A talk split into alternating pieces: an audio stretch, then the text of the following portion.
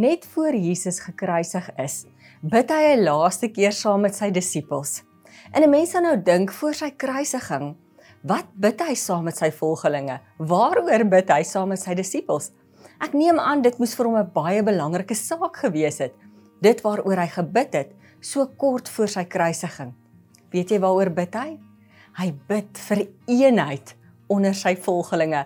Hy bid dat ons as kinders van die Here in harmonie sal saamleef, in vrede sal saamleef, in eenheid sal saamleef. So dit is vir Jesus belangrik as dit een van sy laaste gebede is wat hy saam met sy disippels bid. Paulus maak ook baie van hierdie eenheid onder Christene.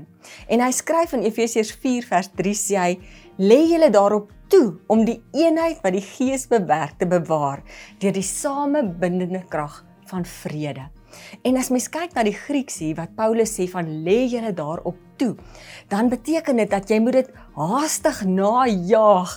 Jy moet alle kragte inspann om hierdie eenheid te bewerk. Met ander woorde, eenheid onder Christene is vir Jesus en is vir God nie net sommer net 'n luukse nie. Dis 'n noodsaaklikheid.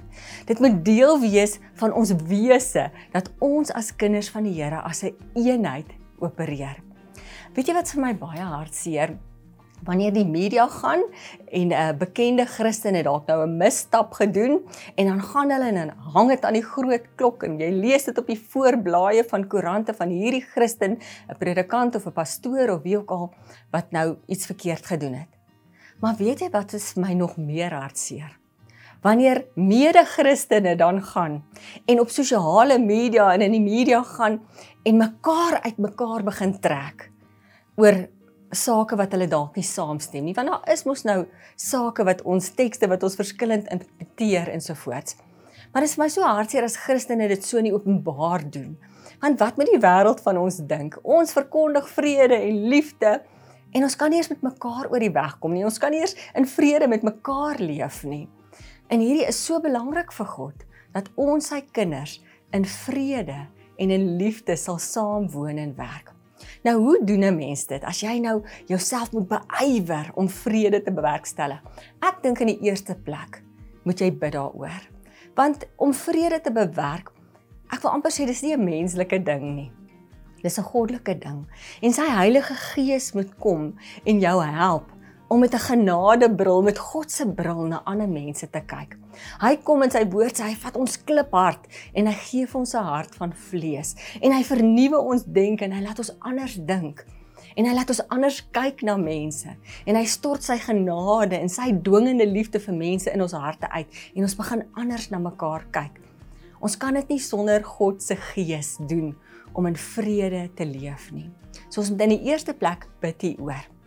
In die tweede plek dink ek is belangrik om te luister vir mekaar. Het jy geweet dat navorsing toon dat mense wat ervaar jy luister nie vir hulle nie, raak later aggressief, hulle raak kwaad want hulle voel hulle word nie gehoor nie. So dis belangrik dat ons mekaar sal hoor, dat ons sal luister vir mekaar. Dan moet ons ook oplet hoe ons met mekaar praat. En baie keer is dit nodig om daai volume knoppie af te draai want as ek gaan skree, dan gaan die ander persoon terugskree hoe ons praat, wat ons vir mekaar sê, dat ons nie mekaar persoonlik sal aanvat nie, maar eerder die saak op die tafel sal aanvat. Interessant is hulle sê dat toe Amerika en Rusland in oorlog gegaan het, toe hulle vooraf besluit dat soos hulle nou in Amerikaans sal sê, hulle nie weapons of mass destruction sal gebruik nie. Want so kan hulle die hele wêreld verwoes. En ek dink ons moet as gesin as eggenote, as geloofsfamilie by die kerk, as kollegas besluit dat ons ook nie weapons of mass destruction sal gebruik nie.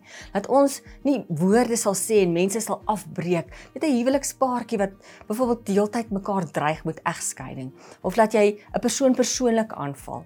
Kom ons bly weg daarvan en vat eerder die saak aan as wat ons mekaar aanvat. Dit is maniere hoe ons bru bou en nie mure bou nie. Hierdie was vir God en vir Jesus belangrik. Dit is daarom lees ons so baie daarvan in die Bybel. Jesus se laaste gebed dat ons in as 'n een eenheid sal saamleef.